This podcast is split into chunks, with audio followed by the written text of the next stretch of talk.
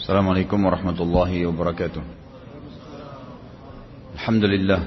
نحمده حمد الحامدين ونشكره شكر الشاكرين ونسلم على عبده ورسوله وحبيبه محمد كما صلى الله وملائكته عليه Tentu yang paling pertama kita ucapkan adalah puji dan syukur kehadirat Allah Subhanahu wa taala dan juga yang kedua adalah salawat dan taslim besar Muhammad sallallahu alaihi wasallam. Melanjutkan tema dosa-dosa besar dan kita masuk malam ini ke dosa besar 73, masalah berjudi. Seperti biasa saya akan jelaskan dulu tentang definisi judi. Tentu secara global Judi itu diberikan gambaran oleh para ulama segala sesuatu yang dijadikan sebagai permainan. Segala sesuatu yang dijadikan sebagai permainan dengan mempertaruhkan harta ataupun jiwa.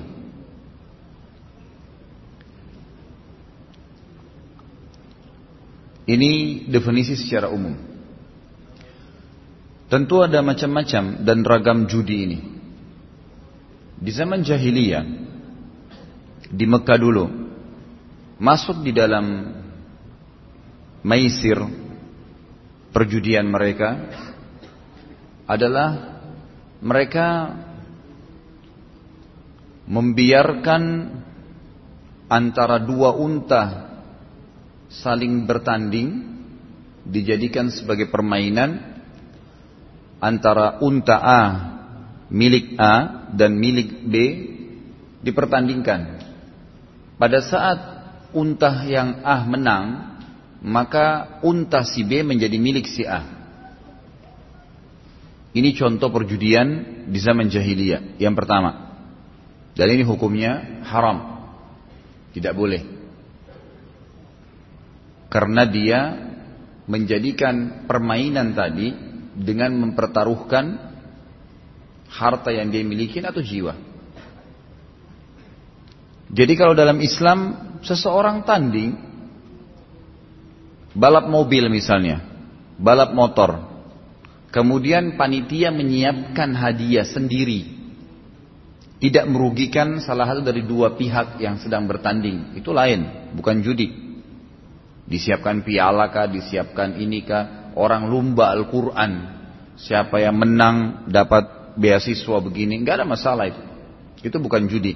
Tapi masuk judi di sini adalah kalau dipertaruhkan antara dua tadi seperti unta dengan unta, yang menang mengambil hak yang kalah. Ini nggak boleh. Jadi jenis judi yang pertama. Jenis judi yang kedua adalah mempertandingkan antara dua budak. Ini zaman jahiliyah ya. Dua budak, si A punya budak manusia, si B punya budak. Disuruh berantem. Suruh gulat. Kemudian nanti kalau menang budaknya si A mengalahkan budak si B, maka secara otomatis ya budak si B diambil alih. Hampir sama dengan pertama. Cuman di sini bedanya yang awal hewan yang ini manusia. Kenapa dibedakan oleh para ulama? Karena dasarnya budak bisa diperjualbelikan. Ya kan gitu. Jadi di sini jelas manusia. Manusia kalau umum tidak boleh perjualbelikan. Tapi misal ada kalau ada manusia itu lebih parah lagi kalau ada manusia dengan manusia misalnya dia bilang sekarang kita tanding nih klub bola ini lawan klub bola ini. Kalau saya kalah istri saya kamu ambil itu parah orang bebas dengan bebas itu bukan cuma judi Ya itu sudah masuk dalam kategori banyak sekali dosa besar, kezaliman, perzinahan terbuka dan beragam macam dosa masuk dalam termasuk bagian daripada perjudian sendiri. Tapi di sini budak memang biasanya dibuat begitu, disuruh bergulat misalnya atau disuruh ya e, melakukan sesuatu yang diinginkan diperebutkan oleh dua tuan, kemudian yang kalah akan ya mengambil budak, eh, yang kalah yang menang akan mengambil budak orang yang kalah. Ini juga termasuk perjudian yang tidak dibolehkan. Jadi walaupun satu waktu orang Islam perang, jihad, kemudian dapat budak, tidak boleh dilakukan seperti ini. Tetap tidak boleh dibuat mereka bertanding, berantem, gitu kan? Kemudian hasilnya yang kalah diambil. Masuk dalam contoh yang kedua ini, tidak bolehnya orang nonton perkelahian lalu bertaruh. Seperti misalnya tinju antara A dengan B. Saya pegang si A, Pak Yoyo si B. Eh Pak Yoyo kalau petinju saya menang, Pak Yoyo bayar saya sekian. Masuk dalam kategori judi. Sama tadi. Cuma bedanya kalau awal langsung diambil alih. Gitu kan. Walaupun sekarang ada perusahaan begitu ya. Ada perusahaan-perusahaan yang mensponsori petinju. Jadi sama dengan subhanallah kasus jahiliyah tadi. Misal saya punya perusahaan mensponsori 10 orang petinju. Si B punya perusahaan juga mensponsori petinju lain. Lalu bertemulah di kelas tertentu mereka ber, ber, bertinju. Kemudian sudah sepakat antara dua perusahaan nih. Kalau nanti, kalau nanti petinju saya menang, petinju kamu ini saya ambil alih loh, pindah ke perusahaan saya. Gitu kan? Sama ini. Jadi akhirnya dikorbankan perusahaan tadi. Pertama, yang harus difahami di sini, mempertaruhkan antara dua orang untuk mengambil hasil hukum kezaliman, nggak boleh. Nabi SAW melarang membuat dua orang berkelahi, ya kemudian mengambil hasil darinya. Pertama berkelahinya haram, mengambil hasil lagi juga haram. Beda kalau olahraga dan mengadu, mengadu ketangkasan itu boleh lain untuk jihad misalnya. Karena Nabi Shallallahu Alaihi Wasallam sering kali memotivasi sahabat untuk bergulat. Bahkan beliau sendiri pernah bergulat dengan sahabat, tapi tidak ada indikasi uang untung rugi itu tidak ada. Memang ketangkasan saja. Kita lagi latihan bela diri, kemudian pelatihnya bilang, ayo sekarang kita mau latih nih, terakhir, coba duel, ya melihat ketangkasan, nggak ada masalah. Para sahabat melakukan itu. Nabi Wasallam melakukannya. Gitu kan bahkan beliau memotivasi para sahabat untuk melakukan dan dalam beberapa riwayat dikatakan para sahabat itu tiap hari mereka buat ring untuk gulat tiap hari. Nah, tiap hari mereka selalu saling tanding ya mengadu kecepatan kuda, melempar tombak, tapi tidak ada unsur menang kalah di sini. Ya, ini yang jadi masalah judinya adalah unsur menang kalahnya. Tidak boleh. Sama halnya mempertaruhkan harta, misal saya punya kebun, ada orang punya kebun yang lain. Lalu dia hubungkan antara pertandingan tadi dua contoh yang pertama, hewan sama hewan atau budak sama budak. Kalau saya kalau budak budak ini kalah, kebun ini punya kamu. Sama masuk dalam kategori tidak boleh. Karena permainan yang diikuti merugikan harta atau jiwa. Jelas ya? Nggak boleh. Masuk dalam kategori ini harta, masuk dalam kategori judi kalau jiwa. Misal ada orang bilang, nih bertandingan antara ini sama ini. Kalau kamu menang, potong jari saya. Merusak fisik dia. Itu masuk dalam kategori judi. Tetap nggak boleh, semua itu haram dalam Islam, gitu kan? Atau bilang, saya kalau misalnya kamu menang, saya akan jadi budak kamu. Ya. Itu semua termasuk kategori yang diharamkan. Jadi ini contoh judi yang terjadi di zaman jahiliyah. Juga ada contoh judi yang ketiga di zaman jahiliyah adalah mereka biasanya mengundi nasibnya. Misal permainan, permainan, mereka ambil batu atau kayu, ditulis nama-nama hewan, ditulis nama-nama apa yang mereka sepakatin, lalu kemudian dibalik, lalu diacak, gitu kan? Lalu mereka saling nebaklah satu sama yang lain. Nih kalau keluar yang ini berarti kamu menang. Kalau keluar yang ini saya menang. Kemudian nanti berarti kalau keluar misal ditulis nih nama unta, kambing, kan itu. Nanti kamu mau taruh pertaruhkan apa nih? Oh saya pertaruhkan unta saya. Baik tulis unta di kayu atau di batu, taruh. Kamu mau pertaruhkan apa? Saya kambing. Baik tulis. Nilai unta satu unta itu 10 ekor kambing, gitu kan? Baik ditulis di kayu itu 10 ekor kambing, satu ekor unta.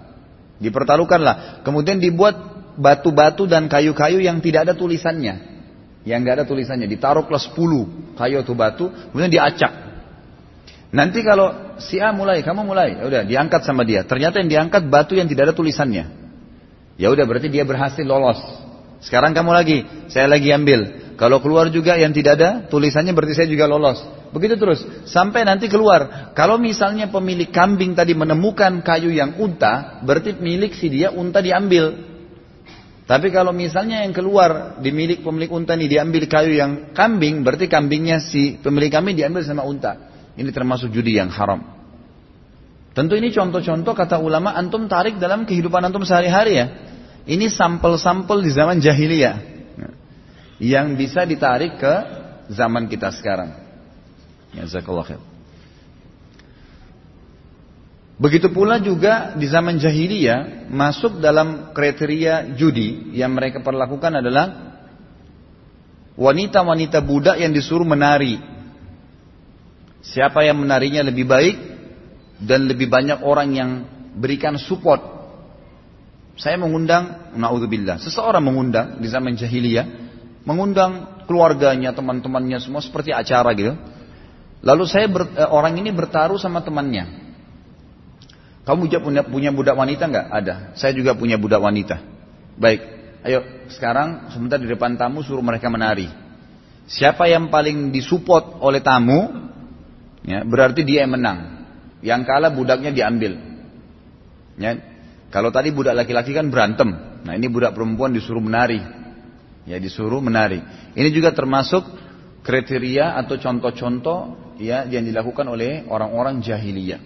Zaman jahiliyah. Pernah juga terjadi, salah satu contoh yang lain di zaman jahiliyah, mereka berlumba kuda atau unta. Siapa yang menang tiba di lokasi tertentu, maka dia punya hak untuk memilih apa pun yang dia mau ambil dari orang yang kalah. Istrinya kah, anaknya kah, budaknya kah, hartanya kah, terserah. Jadi dua orang bertanding, ayo kita jalan dari Mekah ke Madinah. Atau Mekah ke mana, gitu kan. Tanding ya. Siapa yang sampai ke sana, kemudian pulang lagi ke Mekah lebih cepat, maka yang menang punya hak mengambil apa pun yang dia inginkan dari orang yang kalah. Dia mau ambil istrinya kah, dia mau ambil anaknya kah, dia mau ambil apa saja boleh, terserah. Ini juga termasuk nggak boleh, haram semua dalam Islam. Masuk dalam judi, masuk dalam kezaliman, masuk dalam segala hal. Baik, kita pindah sekarang ke contoh-contoh judi yang terjadi di zaman kita sekarang. Zaman sekarang ini ada hal-hal yang kayak tadi sebagian kecil terjadi ya. Seperti orang tadi berantem, gitu kan?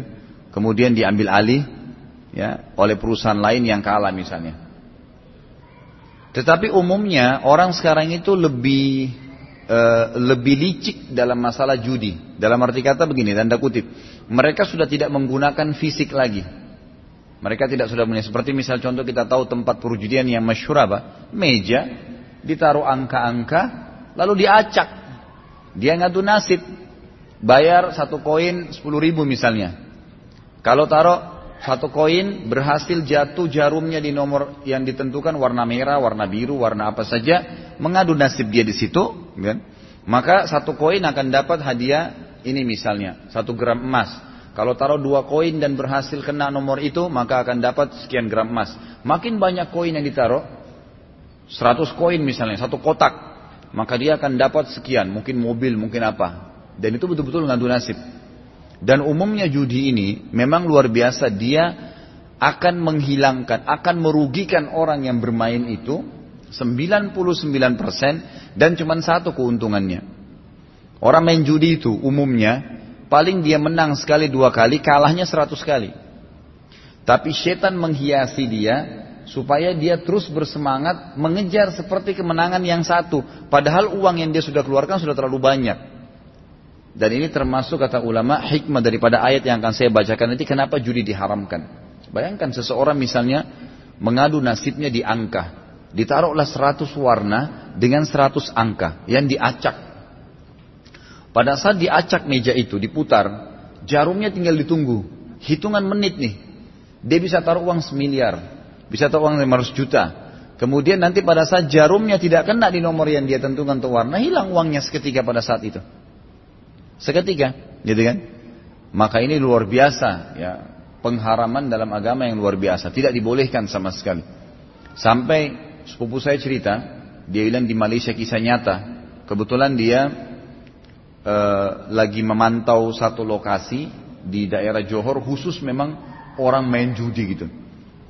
Waktu itu memang dia tidak terlalu paham agama, begitu diceritakan sama saya, saya berikan saran untuk tidak mendatangi tempat seperti itu lagi. Karena kita tidak boleh. Antum tidak usah bilang, saya mau masuk ke sebuah bar karena mau lihat dulu bagaimana keadaannya. Hanya sekedar mau tahu, itu nggak boleh. Memang nggak boleh.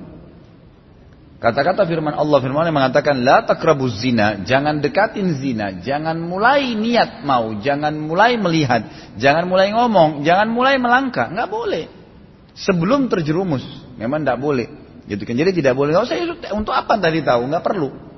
Mau cari tahu orang bajunya apa, mau cari kegiatannya apa, lama-lama kita terpengaruh. Sedangkan orang ngomong saja teman kita lagi jalan sama kita lalu dia bilang saya mau kencing, kita juga terpengaruh mau kencing, gitu kan.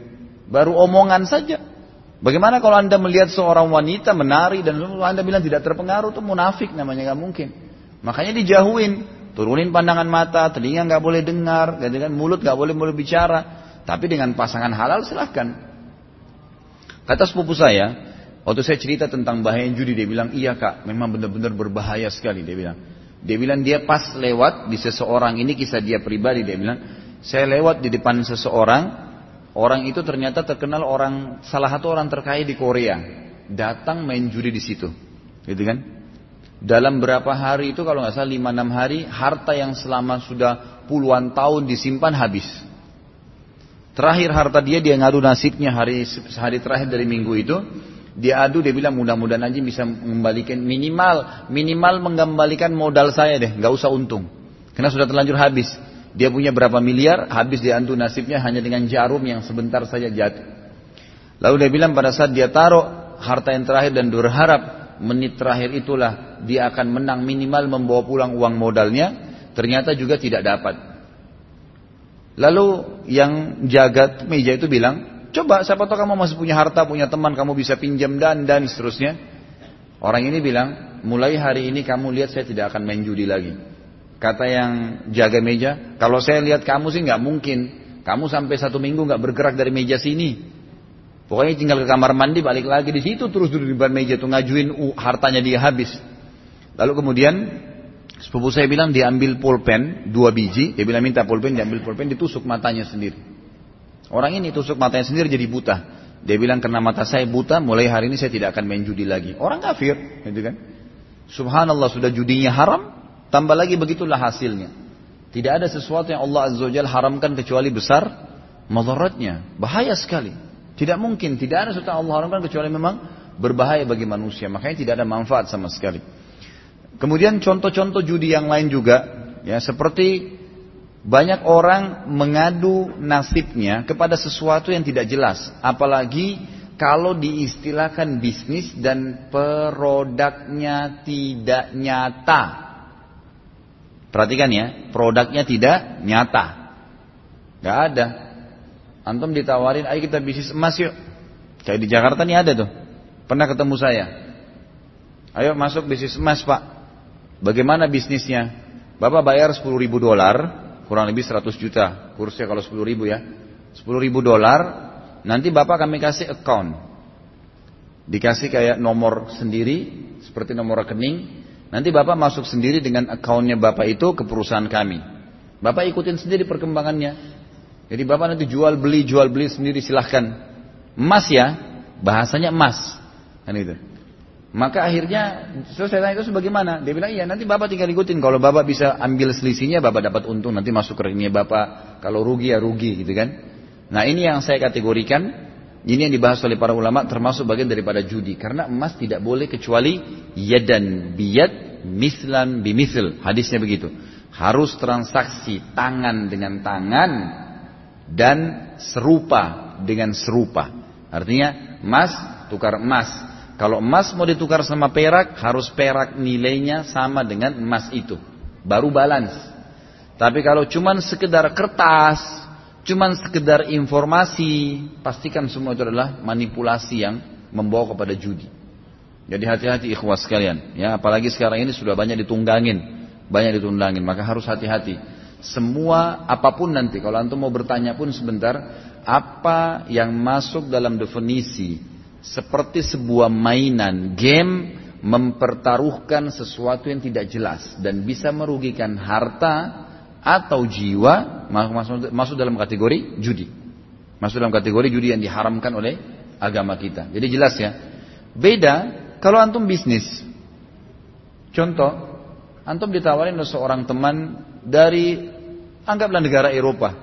Datang dari Inggris nawarkan ini saudaraku saya akan buka usaha ini di Inggris dan dan dan saya mau buka sebuah butik, saya mau buka sebuah ini dan seterusnya. Kamu mau ikut nggak? Sahamnya saya jual sekian. Baik.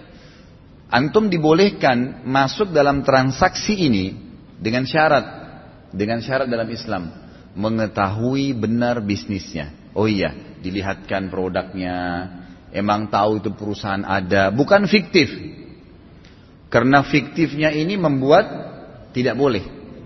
Membuat tidak boleh adanya transaksi di situ. Jadi kalau orang cuma sekedar ini bisnis ini kita nggak pernah lihat, iya iya deh saya ikut aja yang sudah seterusnya itu nggak boleh. Bahkan ulama mengatakan bisa masuk ya kalau dia tidak pernah lihat produk, apalagi orang itu dia tidak kenal, dia cuma main buang hartanya, maka ini masuk dalam kategori bagian daripada judi yang diharamkan, tidak boleh. Bukan jual beli berarti, karena jual beli harus sesuatu yang jelas, ya, tidak boleh. Nabi SAW melarang membeli buah yang masih bergelantungan di pohonnya kalau belum jelas, belum bisa bermanfaat. Buah jelas kelihatan depan mata, tapi kalau ditransaksikan sebenarnya buah itu belum bisa bermanfaat kayak masih kecil-kecil. Lain kalau sudah mengkal dan memang orang yang mau beli tahu dia pakai buat rujak, lain bermanfaat itu boleh. Tapi kalau enggak, tidak boleh membeli produk yang terbungkus sebelum didiat. Nggak boleh. Ya kalau kita biasa Indonesia bilang beli kucing dalam karung, nggak boleh. Saya pernah ditawarin di Surabaya itu hari, ada dari pelabuhan. Alhamdulillah saya tidak ikut-ikutan, tapi saya dengar akhirnya jadi pelajaran di dalam pengajian. Ada di pelabuhan ditawarin satu dus HP, isinya 100 HP. 100 HP. Bayar 10 juta rupiah. Silakan. Tapi nggak tahu merek apa di dalam, bisa jenis bagus, bisa enggak, yang jelas tidak boleh dibuka di packing, silakan beli. Gitu kan? Mau di dalamnya rusak, mau enggak terserah. Pokoknya dikasih 100 HP. Umumnya memang HP-HP yang masih di dalam dus, gitu kan? Memang masih bagus gitu kan? Kesannya memang masih baru di packing segalanya. Itu 100 HP. Ada yang beli, ada yang enggak. Tapi ini tetap tidak boleh. Walaupun di dalamnya HP-nya semua bagus, antum nggak boleh beli. Karena produknya antum tidak lihat, nggak boleh. Harus dilihat.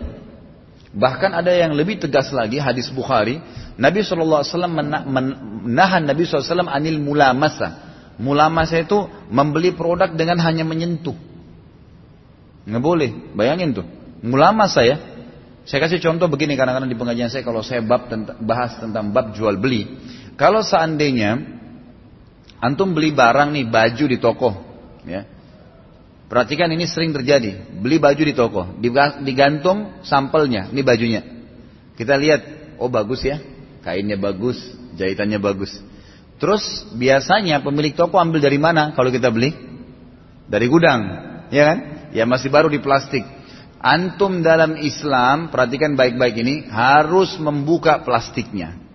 Periksa kembali. Karena Nabi SAW melarang transaksi mula masa, nggak boleh cuma sentuh ya sudah deh, masukin, nggak boleh.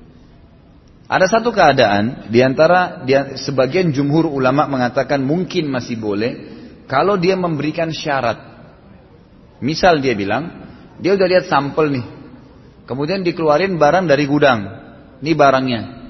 Kemudian dia bilang, saya buru-buru ya.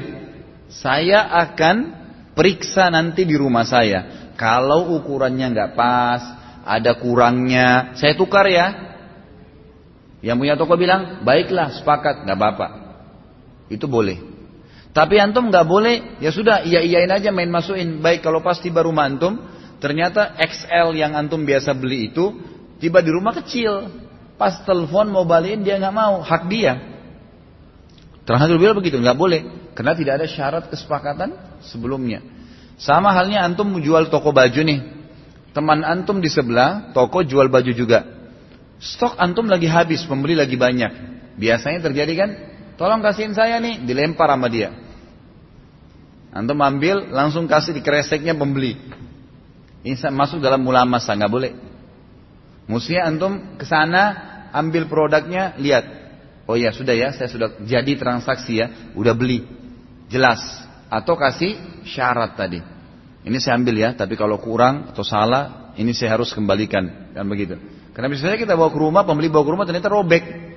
Nggak tahu, warnanya ada yang belang. Mungkin dari pabrik, nggak tahu. Tetap tidak boleh. Kan gitu. Tetap tidak boleh. Semua yang bisa berbahaya dan mengundi nasib. Nasib-nasiban deh nggak apa-apa, itu nggak boleh. Hukumnya masuk dalam larangan-larangan yang diharamkan masuk dalam istilah maisir atau judi yang diharamkan sebagaimana ayat yang akan saya bacakan nanti, gitu kan?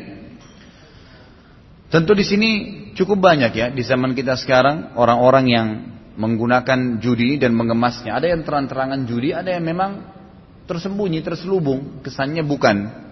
Tapi antum pokoknya sudah tahu dia seperti sebuah game atau dinamakan transaksi bisnis tapi ternyata tidak jelas. Ternyata tidak jelas. Tidak jelas produknya, tidak jelas bagi hasilnya, sistemnya, atau hanya sekedar menunjukkan sesuatu yang tidak jelas, eh, apa produk yang tidak jelas. Kecuali gini, ada juga keadaan satu ulama bilang dalam transaksi sudah jual beli boleh, seperti kasus kita online sekarang ya. Antum pasang foto sesuatu, gitu kan? Produk ini emang sudah jelas, bukan produk yang orang tidak tahu. Misal, produk ada umumnya di, di, di pasar, Kemudian orang beli dari saya karena mungkin saya berikan diskon secara online. Orang sudah tahu produk ini memang sudah tahu, dia sudah pernah pakai, memang sudah jelas lah di pasar, bukan produk yang aneh. Kan gitu. Maka itu ulama mengatakan boleh dibeli walaupun hanya paparan gambar. Tapi tetap berikan syarat ya. Kalau sampai di rumah saya rusak, kemasannya botolnya rusak, apa ini itu ini saya akan kembalikan. Itu baru boleh. Jadi tidak boleh beli. Tapi kalau produk dia tidak jelas, bukan sesuatu produk cuma dia produksi, nggak boleh ikhwah. Ya ini jelas harus kita tahu, ya. Kita harus tahu karena ini berbahaya. Kalau antum tetap paksakan beli, maka harus antum terima risiko kalau rusak atau apa saja, maka boleh ya, si pemilik produk boleh untuk tidak mengembalikan uangnya. Gitu kan? Jadi seperti itu gambarannya. Baik kita dengarkan bagaimana Imam Az-Zahabi rahimahullah mengangkatkan dalilnya surah Al-Maidah ayat 90 sampai 91. A'udzu billahi minasyaitonir rajim. Bismillahirrahmanirrahim. Innamal khamru wal maisiru wal ansabu wal azlamu rizqum min amali syaitani fajtanibuhu la'allakum tuflihun. إنما يريد الشيطان أن يوقع بينكم العداوة والبغضاء في الخمر والميسر ويصدكم عن ذكر الله وعن الصلاة فهل أنتم منتهون Sesungguhnya meminum khamar, khamar ini semua. Sebenarnya kata-kata minum di sini kalau antum pegang bukunya dikasih tanda kutip ya. Jadi sebenarnya mengkonsumsi khamar. Apa itu khamar? Semua yang bisa membuat akal manusia keluar dari normalnya. Makanan atau minuman. Masuk di sini nar narkotika. Serbuka, suntikan cairan kah, diminum langsung kah, semua masuk dalam kategori khamar. Kan gitu. Sesungguhnya mengkonsumsi khamar, berjudi, berkurban untuk berhala, mengundi nasib dengan anak panah.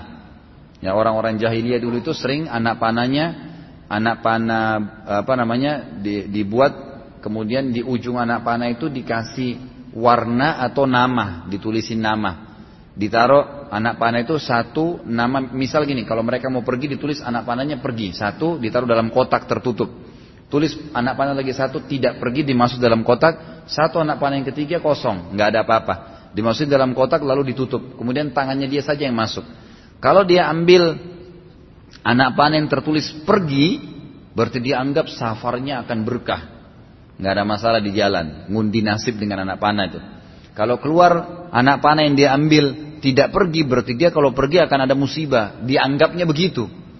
Nah ini tidak boleh haram dalam Islam. Mengundi nasib juga termasuk dengan anak panah haram. Kalau keluar yang tidak ada tulisannya dia harus milih salah satu dari dari dua tadi mana yang akan keluar. Ini kebodohan zaman jahiliyah semua. Tapi sayang kalau ada yang lakukan sekarang ya. Mengundi nasib dengan panah adalah termasuk perbuatan syaitan kata Allah maka jauhilah perbuatan-perbuatan itu agar kalian mendapatkan keberuntungan. Jadi mana kalau tidak minum khamar, tidak judi, tidak uh, kurban untuk berhala, kedukun-dukun, sihir, penyihir semua ini dan juga ya tidak ya, uh, mengundi nasib tadi dengan benda gitu kan Sama masuk dalam kategori ulama mengatakan pecahan cabang daripada mengundi nasib dengan anak panah ini mengundi nasib juga dengan hari yang dianggap sial. Di Indonesia ada keyakinan hari hari Selasa sial. Nah, ini nggak benar ya. Dalam hadis Bukhari kata Allah SWT la tasubud dahar fa inni dahar. Jangan kalian pernah mencela waktu mengatakan ini waktu sial. Gitu kan? Karena akulah penciptanya. Jadi nggak boleh. Saya pernah punya pegawai di yayasan, dia keluar pakai motor, tiba-tiba balik tabrakan. Lalu dia datang ke klinik ayah saya di Makassar, dia obatin. Pada saat sudah diobatin, saya dengar beberapa orang pegawai di klinik, suster-suster waktu itu jaraknya agak jauh, tapi saya sempat dengar mereka bisik-bisik terus mengatakan, oh itu karena hari Selasa. Gitu. Lalu saya sempat dari kursi saya agak jauh, saya bilang, memang kenapa? Suster kenapa ngomong begitu? Itu rame orang di klinik. Kenapa kok sampai ngomong seperti itu? hari Selasa. Ya Ustadz belum tahu, hari Selasa kan hari sial. Makanya wajar orang kalau keluar, orang kalau buka usaha itu nggak boleh hari Selasa. Terus saya luruskan, itu tidak benar semua. Kasus orang terjadi seperti ini, itu kalau dilihat, kalau memang dia terjadi tiba-tiba, orang lagi jalan, ban motornya pecah tiba-tiba. Itu berarti Allah memang takdirkan dia secara mutlak. Memang Allah lagi mau coba dia pada saat itu. Tapi kalau ada orang yang memang dia ugal-ugalan, dia yang balap-balap, kemudian tabrakan, ya dia penyebabnya. Dan itu itu berarti masuk dalam takdir ikhtiarnya dia. Jadi nggak benar, gitu kan? Jadi nggak benar. Jadi tidak boleh menyalahkan waktu. Sesungguhnya syaitan itu bermaksud hendak menimbulkan permusuhan dan kebencian di antara kamu. Subhanallah ya. Tidak pernah orang minum khamar itu kemudian bersahabat baik. Pasti berantem. Orang main judi berantem. Gitu kan. Berantem berantem semua ini. Menimbulkan permusuhan dan kebencian di antara kalian lantaran meminum khamar dan berjudi itu. Dan menghalangi kalian dari mengingat Allah dan sholat. Maka berhentilah kalian dari pekerjaan tersebut. Ayat ini kata ulama disepakati adalah ayat terakhir turun tentang pengharaman khamar. Jadi sebelumnya itu ada ayat yang berbunyi kata Nabi sallallahu alaihi kata Allah SWT dalam Al-Qur'an, "A'udzubillahi minasyaitonirrajim." Ya ayyuhalladzina amanu la taqrabus salata wa antum suqara hatta ta'lamu ma taqulun wala juruban illa abiri samin hatta tagtasilu. Al-ayah. Kata Allah SWT, hai orang beriman, jangan kalian sholat sementara kalian mabuk, gitu kan? Dan jangan sampai kalian, ya, e, apa namanya, melakukan ibadah sampai, ya, kalian mandi junub kalau dalam keadaan junub, gitu kan? Tapi saksi bahasan adalah di ayat ini menjelaskan masih boleh orang sholat kalau mabuk awalnya Ayat ini kata ulama terhapus secara hukum tapi berlaku tilawah. Dalam ilmu ya usul fikih ya itu ada namanya nasikh wal mansukh ya. Ayat yang menghapus dan yang dihapus gitu kan. Nah itu ayat yang tadi saya bacakan terhapus dengan ayat Al-Maidah 99.1 ini. Waktu turun ayat ini bahwasanya Allah mengatakan Syaitan ingin menyesatkan kalian memunculkan kebencian dan keperkalian permusuhan di antara kalian karena khamar dan judi. Maka tidakkah kalian berhenti? Semua sahabat serentak mengatakan karena Allah bilang afala tantahu afa afahal antum muntahun apakah kalian berhenti lalu semua sahabat yang masih minum khamar segera mengatakan serentak dengar ayat ini intahaina intahaina kami selesai kami selesai Lalu mereka serentak memecahkan kendi-kendi khamar di rumah mereka sampai-sampai satu kota Madinah basah jalanannya dengan khamar dan membasahi baju-baju mereka. Lalu mereka pergi sholat dalam kondisi mulai saat itu sudah tidak mabuk lagi. Karena masih ada di antara sahabat waktu itu yang masih mabuk karena masih dibolehkan. Maka turun ayat ini menghapuskan ya tentang masih bolehnya minum khamar. Dan dari ayat dari jadi hadis tadi yang saya sebutkan juga yang menjelaskan tentang sebab turunnya ayat ini dan kejadian setelah itu adalah ulama mengambil hukum kalau alkohol yang ada pada minuman keras itu sifatnya najisnya maknawi secara makna tidak menajiskan. Jadi kalau antum pakai parfum yang beralkohol itu boleh hukumnya, tidak masalah. Karena dia najis di zatnya tidak menajiskan. Dia haram kalau diminum karena memabukkan, gitu kan? Sama saya berikan contoh kemarin kotoran hewan yang boleh dimakan dagingnya, tidak menajiskan, tidak membatalkan wudhu, tapi harus dicuci, kan gitu. Untuk kesucian kalau mau ibadah, semua hewan yang halal dimakan dagingnya, dalam hadis disebutkan, maka juga tidak membat, kotorannya tidak membatalkan atau tidak membatalkan kesucian seseorang, tidak batal wudhunya. Gitu ya. Sama dengan khamr, jadi menggunakan untuk membersihkan luka, alkohol itu boleh, nggak ada masalah. Parfum itu nggak ada masalah, tapi nggak boleh dimasukkan ke dalam tubuh seseorang. Dan Allah SWT menurunkan tidak hanya satu ayat tentang ya dimurkahinya memakan harta orang secara batil yang dihubungkan dengan judi. Karena judi itu kita orang yang ber, membuat tempat judi dan mengajak orang berjudi sebenarnya akan memakan hartanya orang secara batil. Itu dosa lain lagi jadi ulama mengatakan judi itu ya bergabung di dalamnya menipu. Karena dia akan buat program untuk itu. Dia mau menipu orang sebenarnya niatnya. Kemudian dia akan kalau dia menang dia akan mengambil harta orang lain. Kemudian ada hukum gharar. Gharar itu adalah menjadi penyebab ya salah satu bisa mengalami kerugian. Jadi banyak sekali pintu dosanya. Yang terakhir adalah sabda Nabi Shallallahu Alaihi Wasallam dalam hadis Bukhari Muslim, "Man qala li sahibihi ta'al uqamiruka falyatasaddaq." Barang siapa yang berkata kepada temannya, "Ke sinilah, saya tantang kamu berjudi, taruhan." Maka hendaklah dia bersedekah sebagai kafarahnya. Jadi dia harus beristighfar sama Allah, bersedekah sebagai miskin untuk membersihkan ya dosanya. Sedikit saya tambahkan, mohon maaf satu menit kita tambah waktu. Bapak Ibu sekalian, ulama memasukkan dalam kategori judi dan ini juga termasuk contoh yang sering ada sekarang. Kalau seseorang belanja sebuah produk yang produk itu dia tidak perlukan, kemudian yang dia kejar hanya hadiah yang dijanjikan. Misal gini, antum belanja di satu mall, mall itu siapin mobil kayak sering ada sekarang siapin mobil yang juara satu menang nomor satu dan seterusnya. Antum ke mall tersebut, tujuannya nggak ada hajat beli barang, tapi karena ada hadiah mobil yang dikejar, kita jadi belanja. Sampai-sampai produk yang tidak perlu pun kita beli, gitu kan? Ini masuk dalam kategori judi, nggak boleh. Karena antum mengundi, antum apa, memasukkan, ya, mengundi nasib antum di harta antum di nasib. Jadi kalau tidak dapat mobil itu gimana produknya, gitu kan? nggak diperlukan maka tidak boleh. Tapi kalau antum masuk ke mall tersebut kebetulan belanja memang ada hajat, dapat vouchernya, isi ikut boleh nggak apa-apa, nggak ada masalah itu, gitu kan? Itu tidak ada masalah. Masuk dalam kategori boleh kalau misal gini, saya ajak teman saya, ayo kita olahraga ya, kita lari yuk, yang menang nanti ya, yang kalah mentraktir yang menang, boleh kan? Boleh. Ini nggak masalah.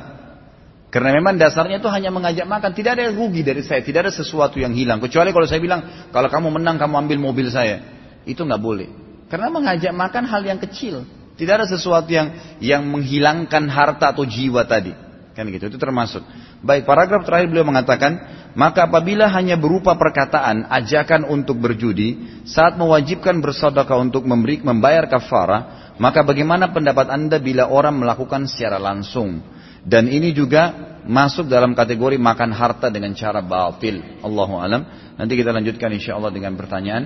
Mudah-mudahan apa yang kita sampaikan bermanfaat. Kalau benar dari Allah, kalau sadar saya mohon dimaafkan. Subhanakallahumma bihamdika asyhadu an la ilaha Wassalamualaikum warahmatullahi wabarakatuh.